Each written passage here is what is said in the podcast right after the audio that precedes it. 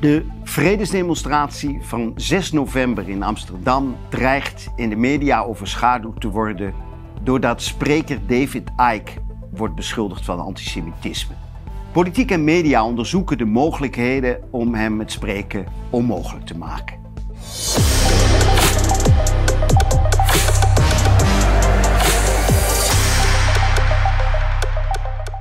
Een groot aantal televisiestations, websites, kranten, tijdschriften werken mee aan een sfeer waarin de wereldberoemde auteur en spreker David Icke het zwijgen opgelegd moest worden. Kan Nederland de man achter Baudet's reptiele theorie weren? kopte de NOS. Het AD kwam met een vergelijkbare opening. Kan complotdenker David Icke geweerd worden uit Amsterdam? Icke is uitgenodigd als spreker op de vredesdemonstratie in Amsterdam en dreigt niet te kunnen spreken. Vrijheid van meningsuiting lijkt door de politiek en media steeds minder te worden gekoesterd en steeds meer ervaren te worden als probleem.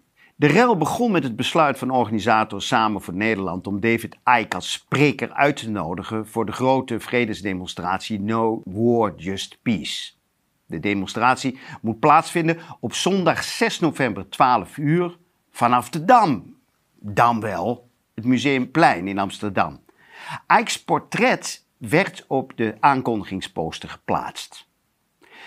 David Icke is een wereldberoemde auteur en begnadigd spreker met scherpe kritiek op de westerse politiek en media. Hij ventileerde tijdens de coronacrisis en meer recent in de Oekraïne-oorlog nadrukkelijk zijn kritiek. Controversieel is zijn visie op de evolutie van maatschappelijke machtsstructuren die hij verbindt met het karakter van reptielen. Waar vormvoorman Thierry Baudet het woord reptiel nog gebruikt in de metaforische zin als verachtelijk wezen, dus als scheldwoord, lijkt de reptiele theorie bij David Icke voort te komen uit een dieper liggende wereldbeeld over de menselijke ontwikkeling. Deze reptiele theorie geeft voer aan een enorme hoeveelheid kwalijke mediaspeculaties waarin de theorie wordt verbonden met antisemitisme. Bart Wallet, eh, hoogleraar Joodse studies bijvoorbeeld, gaat zich in de media te buiten aan een reeks van ongefundeerde beschuldigingen waarin hij stelt dat Ike het met name zou hebben over Joodse samensweringen. Het feit dat David Icke dat in een interview pertinent en bij herhaling ontkent, is schijnbaar geen reden om de litanie van beschuldigingen in de media een halt toe te roepen. De mediahetze werd in werking gezet door een brief van het CIDI, het Centrum voor Informatie en Documentatie Israël, aan het Amsterdam Stadsbestuur, waarin wordt gesteld dat David Icke oude antisemitische verhalen verpakt in een nieuw jasje. Het CIDI is een keiharde lobbyclub die critici van de staat Israël en het Sionisme probeert te disqualificeren. In 2004 heb ik met dit instituut persoonlijk kennis mogen maken toen ze probeerden een van mijn toneelstukken te laten verbieden. Wat gebeurde er toen? In mijn toneelstuk over Jezus van Nazareth werd er in 1967 een jongetje geboren op een hotelkamer in Bethlehem aan het begin van de Zesdaagse Oorlog. Hij was de zoon van een Joodse moeder en een Palestijnse vader. En hij werd 33 jaar later als vredesactivist gekruisigd op de berg Golgotha in het oude centrum van Jeruzalem. De opdrachtgever van de kruisiging was zijn oom, de toenmalige Israëlische premier Ariel Sharon. Het toneelstuk in boekvorm heb ik toen uitgereikt aan Palestina-activiste Greta Duisenberg. Het Sidi sloeg hard toe. Ik kreeg een brief met uitleg. Jezus werd gekruisigd door Ariel Sharon. Sharon is een Joods, dus het toneelstuk is antisemitisch en moest daarom worden verboden. Ik moest eerst hartelijk lachen om de absurde redenering, totdat mij duidelijk werd dat het CIDI een brief had doen uitgaan naar het gehele netwerk in de tournee met tientallen eh, financiers, locaties en meewerkende schouwburgen. In de brief werd gewezen op het antisemitische karakter van het toneelstuk en geadviseerd om de medewerking op te zeggen. Ik vreesde even dat het project en de hele tournee eh, zou instorten. Maar het typeerde misschien de tijd dat bijna niemand zich liet intimideren en chanteren. Ook in de daaropvolgende mediarel kozen NRC, Volkskrant, Trouw en andere mainstream media ervoor het CIDI te bekritiseren en mijn toneelstuk en tournee te beschermen. Vrijheid van meningsuiting was toen nog een grondrecht en censuur geen optie. In haar brief over Ike komt het Sidi met zware lasten zonder bronnen te noemen.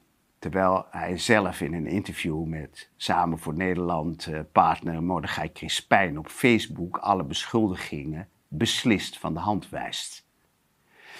Mordechai Crispijn, zelf van Joodse Huizen, had op vrijdag 21 oktober een exclusief interview van meer dan vijf kwartier met David Icke persoonlijk.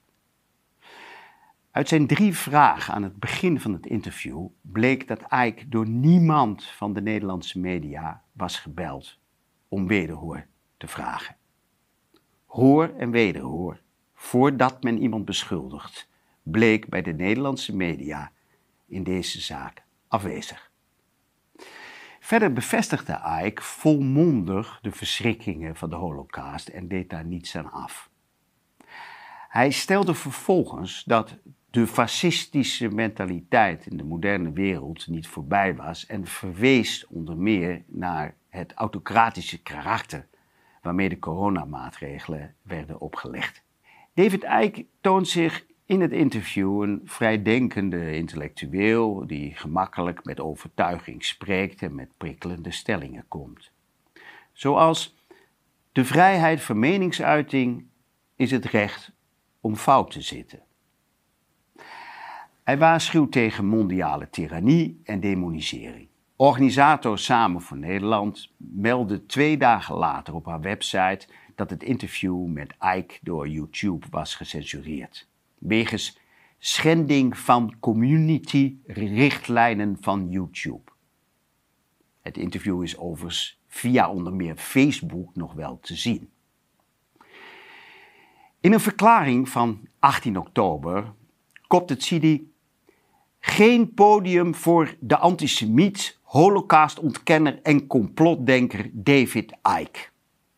Hoewel het pro-Israël Lobby Instituut in feite met lastelijke en strafbare uitspraken komt, weigerden ze mij als journalist bronnen en commentaar te geven. Principieel hierbij is de vraag of David Icke zomaar belasterd kan worden en in zijn grondrechten bedreigd. En of het OM het CIDI niet zou moeten confronteren met de strafbaarheid van haar lastercampagne. De mainstream media vraagt zich ondertussen af wanneer ze de censuur mag toepassen. Michel Maes schrijft in de Volkskrant een opinieartikel: Verbied nooit een schrijver maar wat te doen met reptiele man David Icke. Vrijheid van meningsuiting is schijnbaar voor de media steeds minder vanzelfsprekend. En het spook van censuur rukt de afgelopen jaren steeds sterker binnen in het publieke domein. De media vroeg diverse Amsterdamse gemeenteraadsleden of zij niet voor een spreekverbod waren. Sommigen antwoorden dat zij dat inderdaad wenselijk achten. De Amsterdamse driehoek reageerde daarop met een verklaring op de website van de gemeente met de titel: De gemeente Amsterdam acht de komst van David Icke zeer ongewenst. Vermeende antisemitische uitspraken uit het verleden worden als reden opgegeven. Men geeft aan dat men hem juridisch het spreken niet kan beletten en eh, de demonstratie moet faciliteren. De gemeente Amsterdam voert echter wel een actief beleid om AIK het spreken onmogelijk te maken en te verbannen. Vooruitlopend op zijn mogelijke komst verzoekt de gemeente de IND, de Immigratie- en Naturalisatiedienst, alvast te onderzoeken of Ike de toegang tot het land kan worden geweigerd. Deze gemeente heeft geen scrupules het klassieke grondrecht op vrijheid van meningsuiting in te perken.